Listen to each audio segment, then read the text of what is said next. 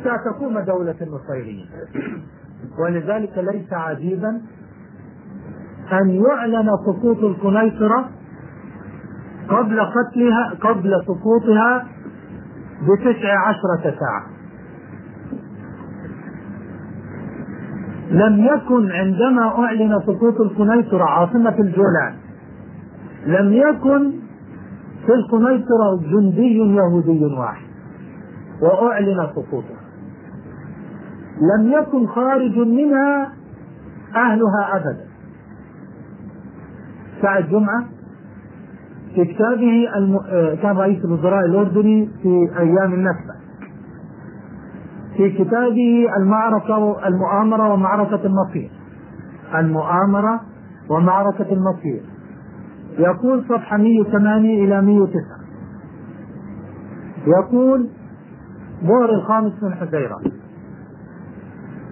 أرسل رئيس سفير دولة كبرى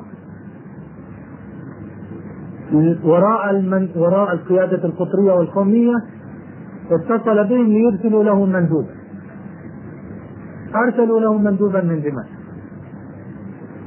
قال له إن نتيجة المعركة قد ظهرت وقد تحطم الطيران المصري. والنج... والنجاح والنصر بجانب إسرائيل. وإسرائيل قبل هذا وبعد هذا تجربة اشتراكية ودولة اشتراكية وهي تعطف على التجربة الاشتراكية العلوية في دمشق. وهي لا تريد أن تسقط هذه التجربة. فإذا اكتفيتم بمناوشات بسيطة فلن تمس جانبا.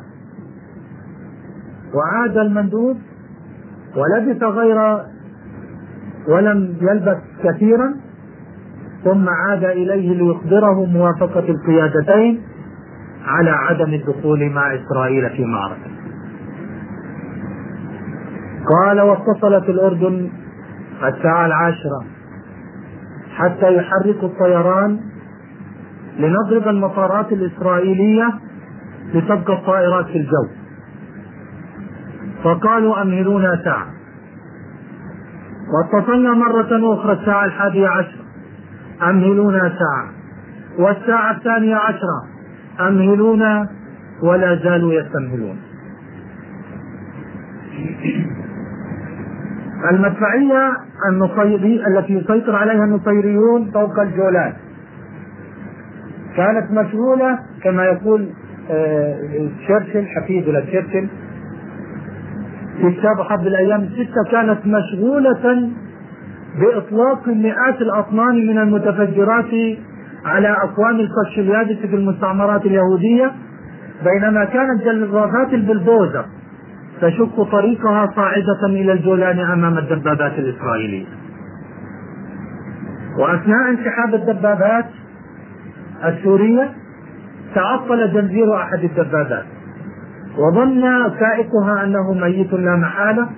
فحول قوة مدفعه نحو الدبابات الصاعدة وأطلق عليها قذائفه فأصابت ستة دبابات ست دبابات أوقفت تقدم الجيش الإسرائيلي في ذلك المحور ثمان ساعات.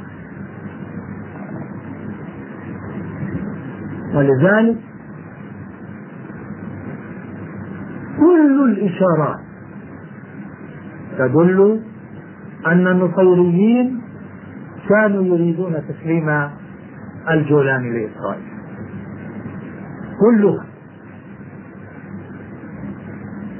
سنة الأربعة وستين من الأربعة وستين بدأوا يعلنون عداءهم للإسلام من خلال المذياع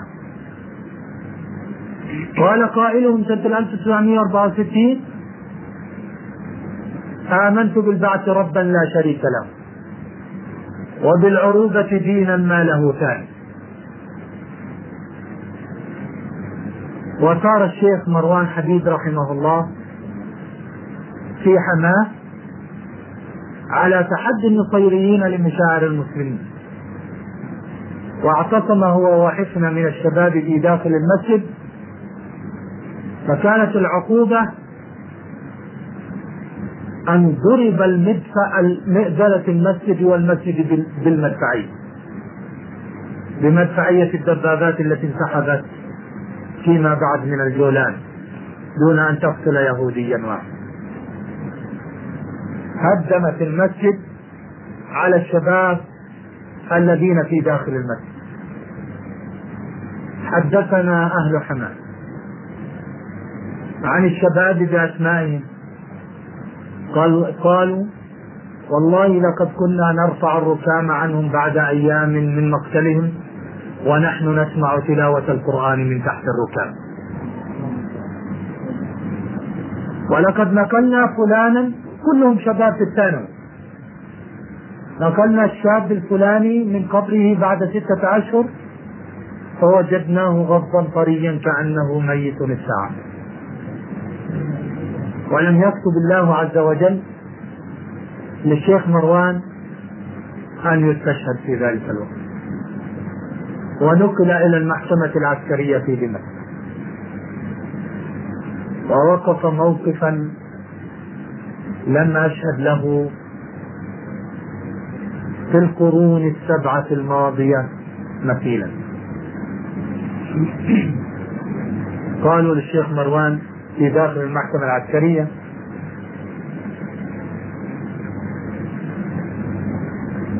قال الشيخ مروان كان الذي يحاكمه عز الجديد ومصطفى طلال. قالوا له كيف تعمل عصيانا مسلحا ضد الحكم وضد الدولة؟ قال لهم هنالك كلب نصيري اسمه عز الجديد يقول عز الجديد الذي يحاكم. يريد أن يمسح الإسلام من سوريا. وكلب آخر منسوب لأهل السنة اسمه مصطفى طلاس يحرص عليه ويستعمله النصيريون من أجل تنفيذ أغراضهم لمحاربة الإسلام وإذلال المسلمين في البلد. ونحن نرفض أن يمسح الإسلام ونحن أحياء. هاجم الحرس القومي عليه في المحكمة ليقتلوه. فحماه الشرطة ورجال الأمن. من من أجل الدعاية لحماية القانون وغير ذلك وحرية القضاء وغير ذلك. وحكم على الشيخ مروان بالإعدام ودخل ونزل الشيخ محمد حامد رحمه الله شيخ مشايخ حماة إلى أمين الحافظ. أمين الحافظ في المناسبة هو صاحب كامل أمين ثابت أو إيلي كوهين من الأرجنتين. كان مستشار عسكري في الأرجنتين. وهناك أرسلت إسرائيل إيلي كوهين ليقيم علاقة مع أمين الحافظ مستشارا عسكريا. وهذا الذي يجعلنا نضع علامات استفهام أن اليهود يخططون لحزب البعث أن يستلم في سوريا. هذا الذي يجعلنا. ما الذي جعل إسرائيل ترسل ضابطا من ضباطها المشهورين في المخابرات؟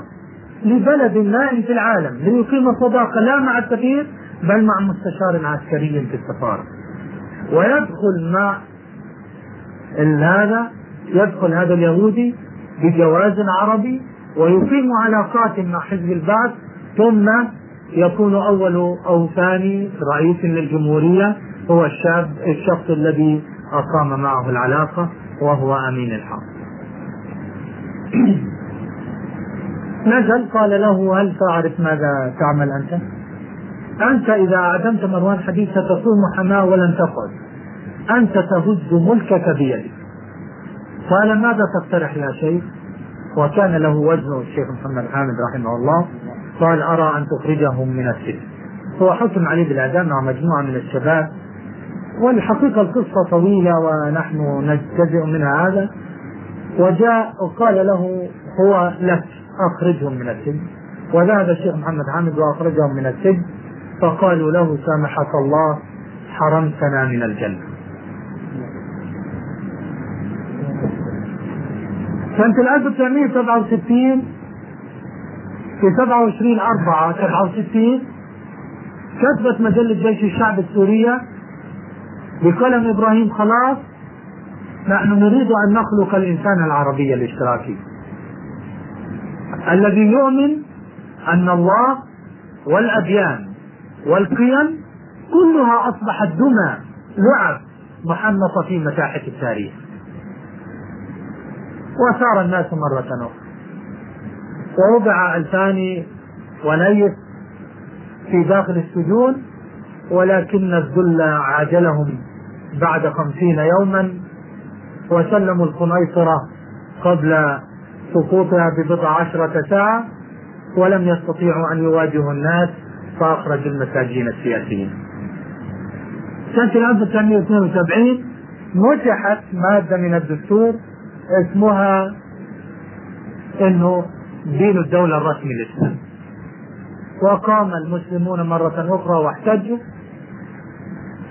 وبدأت الدولة تطارد الناس. وكان ممن تطاردهم الشيخ مروان حديث وأخيرا استطاعت أن تعتقله ثم تلقيه في السجن ثم يموت بظروف لا يعلمها الناس ويدفن في داخل دمشق لا تجرؤ الدولة أن ترسله إلى حماة ويحرس قبره بمائتي جندي خوفا من أن يخرج تخرج جنازته ويعملوا يعمل المسلمون مظاهرات وبدأت تطارد بقية المسلمين. لكن كان المسلم إذا دافع عن نفسه فقتل ضابطا من ضباط المخابرات أو رجلا من رجال النصيريين تقول العراق أرسلت للنفس العراق أرسلت لإيه؟ للهدم العراق مخابرات عراقية وإذا أرادوا أن يذبحوا أي شاب يقولون هذا مخابرات عراقية ويقتلونه وهكذا. عندما التقى خيط العنكبوت بين أولاد ميشيل عتلة الأولاد البارين في بغداد والأولاد العاقين في دمشق تفرغت دمشق لحرب الإسلام والمسلمين. ومنذ ستة أشهر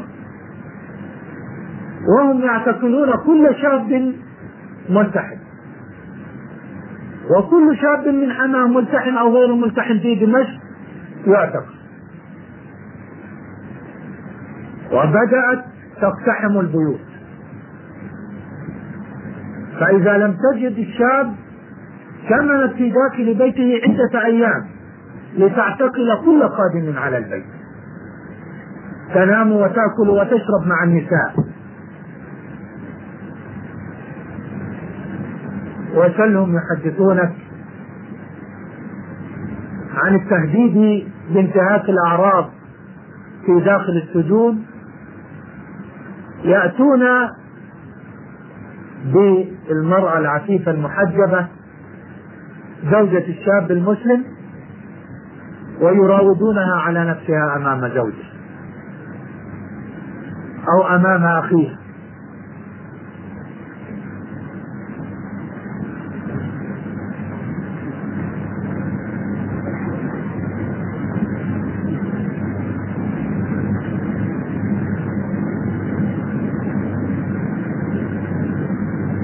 وبدأ الشباب يفرون. وأجهزة الإعلام صامتة. أجهزة الإعلام العربي قاتلها الله. بكماء صماء خرساء. عن المذابح التي تدور فوق رؤوس الحكمة المسلمات في سوريا. والمخططات ليل نهار كيف نمسح الاسم؟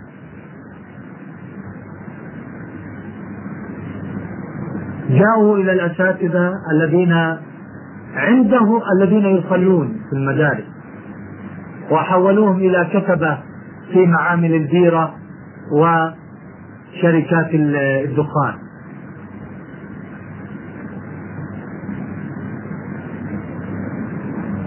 لا يجوز لبنت تتخرج من الثالث من السادس الابتدائي أن تدخل الأول الإعدادي حتى تحضر مخيما مشتركا مع الشباب. مخيم طلائع البعث. ولا يجوز لها أن تجتاز الثالث الإعدادي إلى الأول ثانوي حتى تخرج حتى تحضر مخيما مخيم العهر الذي يسميه مخيم الفتوة حتى لا يبقى عرض واحد. إلا ويدنس أو يحاول أن يدنس.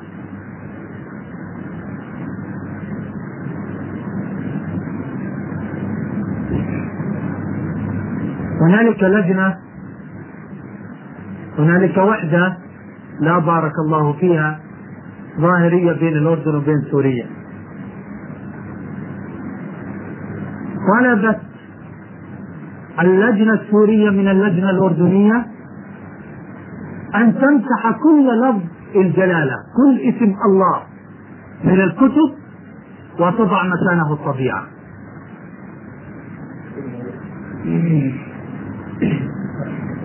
يعني خلق الله عز وجل يكتبون للأولاد الصغار مثلا عندنا في الأردن خلق الله عز وجل للحيوانات البرية آذان كبيرة حتى تستمع الصوت بسرعة حتى تهرب من أعدائها بدل خلق الله عز وجل حبت الطبيعة للحيوانات البرية. آذان طويلة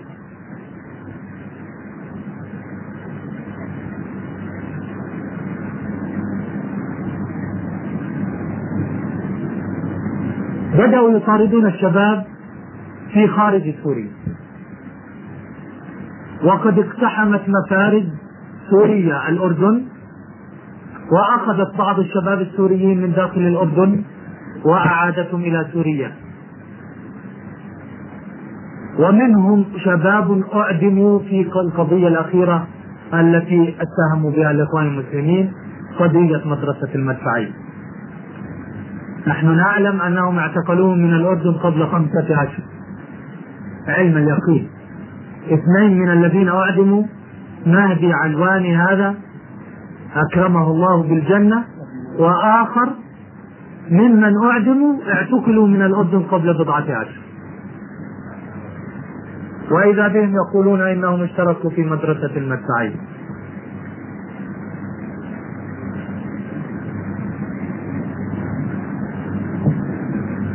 الحكم الحالة متفشخة في الداخل. أي جندي نصيري يطأ على عنق أي قائد في الجيش إن كان من أهل السنة. عصابات تحكم البلد. رفعة الأسد له سرايا الدفاع. عدنان الأسد له حرس خاص. هؤلاء مخولون أن ينزلوا الناس يلبسون الألبسة المدنية في الشوارع العامة في دمشق يفتشون السيارات. أي شاب يشكون به ينزلونه ويطلقون النار عليه أمام الناس.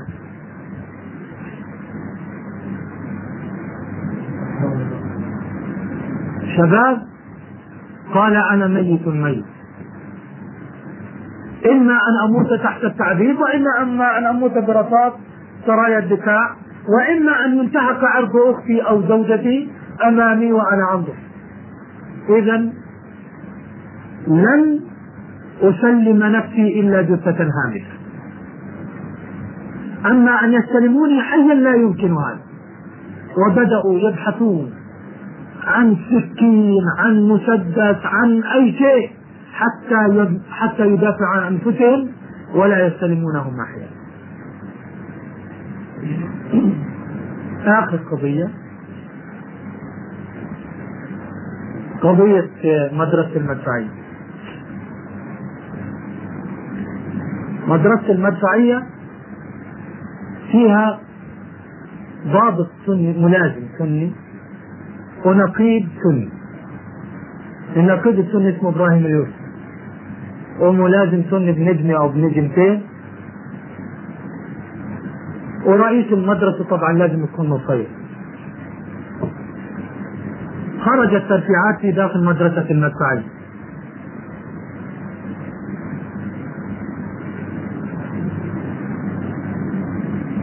لم يخرج ترفيع هذا الضابط الملازم السلمي. وهو بعث. وابراهيم اليوسف النقيب بعث. موجه عقائدي في حزب البعث. إلا أن جريمته أن أصله من أهل السنة جاء يراجع مدير المدرسة هذا الملازم قال لماذا لم ترفعني؟ قال لم يأتي دورك قال لقد خرج ترفيع الدورة. كل زملائي رفعوا لماذا لم أرفع؟ قال له إن كان كذلك سننظر في ترفيعي بشرط واحد. أن تبحث لي عن خادم قال أبحث لك عن خادم. خادمة. لبيتي. قالت سأبحث لك عن خادم. قال هي موجودة عندك قال ليس في بيتي خادم. قال ابنتك قال تريد ابنة الجامعية أن تخدم في بيتك؟ من أجل أن ترفعني؟ قال وماذا عليها لو خدمت في بيتي وقال له الملازم البعث السني لمدير المدرسة العقيد أو العميد أو غير. هكذا تقولون لنا أننا أبناء حزب واحد وخط واحد وعقيدة واحدة. هذه النهاية. وطرق الباب وخرج وذهب إلى إبراهيم اليوسف الملازم الرئيس يعني النقيب نجم النقيب السني البعثي الموجه العقائدي في حزب البعث والذين يأتمنونه على المدرسة المدفعية. قال له أما سمعت؟ يقول لي أريد ابنتك أن تخدم في بيتي من أجل التركيع إبراهيم اليوسف قتل أخوه تحت التعذيب. يبدو أن أخاه شابا أن أخاه شاب طيب واعتقل من بين الذين اعتقلوا من الآلاف المؤلفة وتحت التعذيب مات وهو حاقد. وقيل إن كذلك عم إن عما له إمام لمسجد ذو لحية مهيبة جليلة أتى به النصيريون أمام الناس وداسوا على لحيته.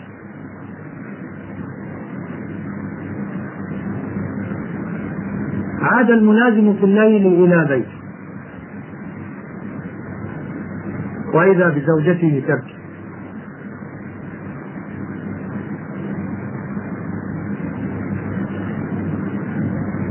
قال ما شأنك؟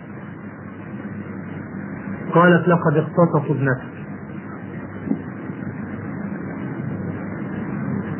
وإذا برئيس المدرسة هذا النصيري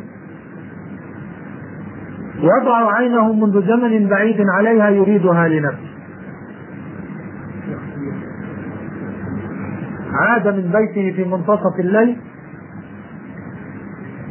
ليخبر إبراهيم اليوسف بما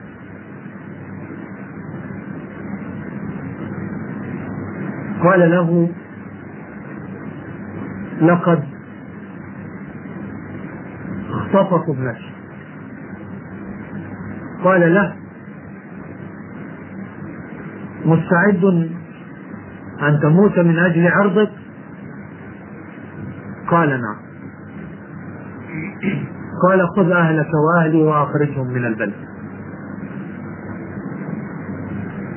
وأخذ أهله وأهل إبراهيم يوسف وذهب بهم خارج البلد. في اليوم الثاني ودع بيته وليس فيه أحد. إبراهيم يوسف ووضع فيه متفجرات في داخل الثلاجة. كما جاء الهاربون من سوريا وحدث وهم كثروا وصعق أو كهرب الجرس البيت ثم جاء إلى المدرسة. دخل على مدير المدرسة. قال له أعطني كشفا بأسماء المدرسة. وشهر مسدسه عليه. فأخرج له. المدرسة بها أربعمائة مرشح منهم ثلاثمائة وسبعون نصيريا. ثلاثمية وسبعين. يعني كام؟ كام؟ 92 ونص المئة نصيرية وثلاثين مرشح بين سني ونصراني.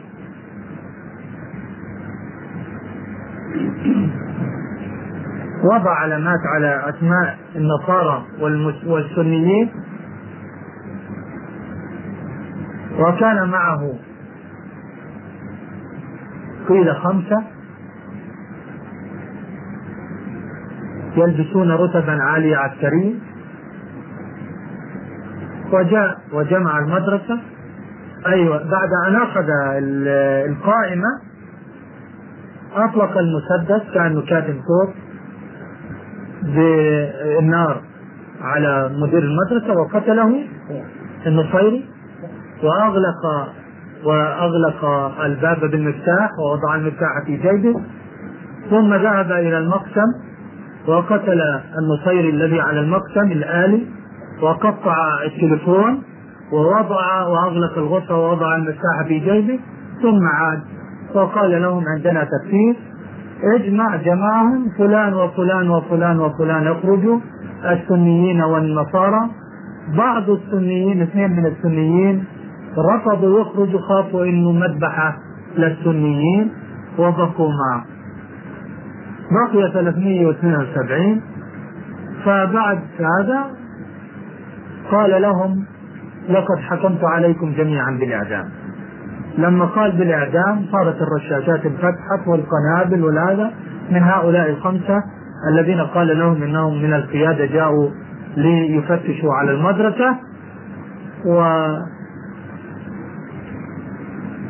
وصل المستشفى 150 قتيل منهم أول لحظة و100 ماتوا بعد يوم أو يومين و100 مشوه آخرون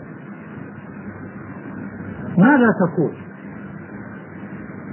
أرادت أن تثمر القضية كانت هزة عميقة جدا للحكم النصيري ضابط من ضباطها الذي ربته على يده الموجه العقائدي في الحزب في داخل المدرسة يذبح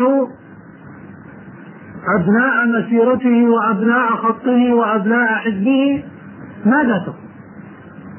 أشاعت أولا في حلب أن باطين اصطدم. كانوا باطاتهم تمتد من الدوحة للخور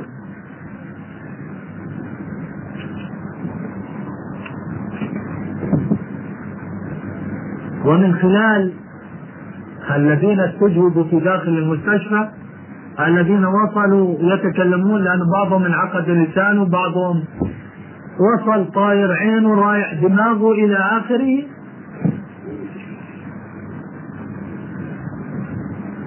خرجت استلمتها إذاعة الكتائب صوت لبنان الحر هذه.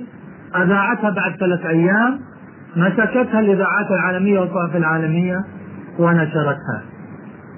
فكروا ماذا الآن الخيط مربوط بين دمشق وبين بغداد. ماذا نقول؟ أرسلت العراق مخابرات؟ لو اليوم كان قالوا لأنه اليوم الحمد لله ربنا فسخهم مرة ثانية. قال ليس بيننا وبينهم إلا السيف. العراق قالت ليس بيننا وبين سوريا إلا السيف. ربك يا شيخ ربك يا كيف المسلمين مستضعفين في الأرض؟ هو يتدخل ويدير المعركة. في حدا كان داري انه بده يروح البشر وبده يصير مؤامرة انقلابية سورية على العراق. ويذبحوا 100 بعثي من من الروس الامريكي والبريطاني الكبار في داخل في داخل العراق. وبعدين تتهم سوريا ويبدأ ويعلن ليس مراسل الجارديان يقول اعلن صدام حسين إنه ليس بيننا وبين سوري حافظ الأسد منذ الآن إلا السيف. ربك ربك في البداية ربك في البداية عن الذين آمنوا يا شيخ. مؤمنين مستضعفين. من عادى لي وليا فقد اذنته بالحرب واحد فكيف بعض موصول خيط العنكبوت ماذا فكروا فكروا وأخيرا طلعت معهم راح وزير الداخلية أعلن إنه الإخوان المسلمين عملاء الأمبريالية البريطانية الذين تحولوا للإمبريالية شو يعني إمبريالية؟ شو معنات إمبريالية؟ حافظين حافظين لي كم كلمة امبريالية وكادحين وديماغوجية وبعدين آه، الإقطاع والرجعية. خمس كلمات. حراج. حراج ممكن سطر من الأسطر يخلو منهن ما فيش غير. ما في غير. والآن بعد ما أعلنت أعلن وزير الداخلية الدباغ إنه الاخوان المسلمين هم المسؤولين. وإنه آه، هؤلاء اللي أقاموا بالمذبحة. وهؤلاء وهؤلاء. أيوه. ليه؟ ليش يا شيخ؟ الزر من هناك مش من هون. الله يفتح عليك. الله يفتح عليك. الله يفتح عليك. ضده هناك جيبوا الزر الاحمر هنا. نعم. وبعدين كمبيوتر. بيشتغلوا على الكمبيوتر؟ بيضغطوا هنا كل الكمبيوترات بتضوي ولذلك تلقاها حلقة واحدة خبيثه يحاربون الله ورسوله ولكن مساكين والله. كتب الله لأغلبن أنا ورسلي إن الله قوي عليم. وما كان الله ليعجزه من شيء في السماوات ولا في الأرض. الله لا يعجزه شيء. الله لا بيقدر له لا البعث العراقي ولا البعث السوري ولا أنظمة الأرض ولا أمريكا. ولا بريطانيا. سيدتهم وأمريكا ما تقدر. أبدا. لا تقدر لله. الله لا يقهر وإرادته لا تذل. ومشيئته لا تغلب. وقدره جار فوق رؤوس البشر. والآن وبين كل مقطع ومقطع. طبعا نصب حكم الإعدام بستة بستة عشر شابا معتقلون منذ ستة عشر. والذين لاحظوا صورهم صورهم مأخوذة من الشتاء لأنهم اعتقلوا في الشتاء. يلبسون الملابس الشتوية. يلبسون الملابس الشتوية نعم. لكن الحمد لله أبدوا ضروبا من الشجاعة أعادت للأذهان قصص الصحابة الأول. هذا مهد علواني الذي أخذوه من الأردن قبل أربعة أشهر وإذا به ينفذ إيه مدر... حادثة مدرسة المدفعية وهو في السجن قالوا له ماذا تريد؟ إيه ماذا تريدون أن تعملون هذا؟ قالوا نريد أن. أن نسقط حكم النصيريين الكافر قال له من تريد؟ من تقصد يعني؟ قال له من رئيس الجمهورية حتى أصغر واحد. على التلفزيون. ربنا بي... ربنا بيعمل قلوبهم وبينشرها تفلت منهم يا شيخ ربك هم فكرهم إنه يصيروا يستعطفوا ويستبنوا ما إلى ذلك. قال له ثلاث أرباع الشعب معنا. قال له سنذبح ثلاثة أرباع الشعب إن وقفوا مع النصيريين.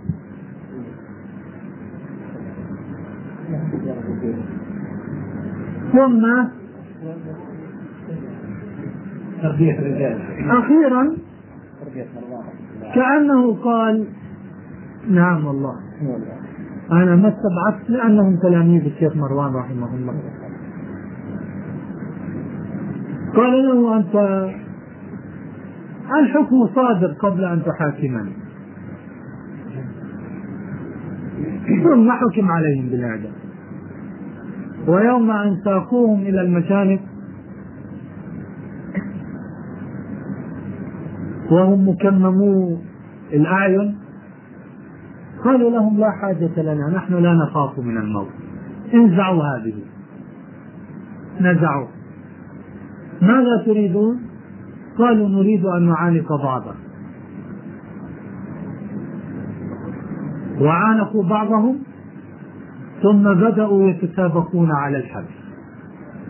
قالوا للشرطة لا حاجة لكم أن تأتوا وتضعون الحبل نحن سنضع الحبل في أعناقكم لأننا نعلم أن أرواحنا إن شاء الله ستذهب إلى الجنة.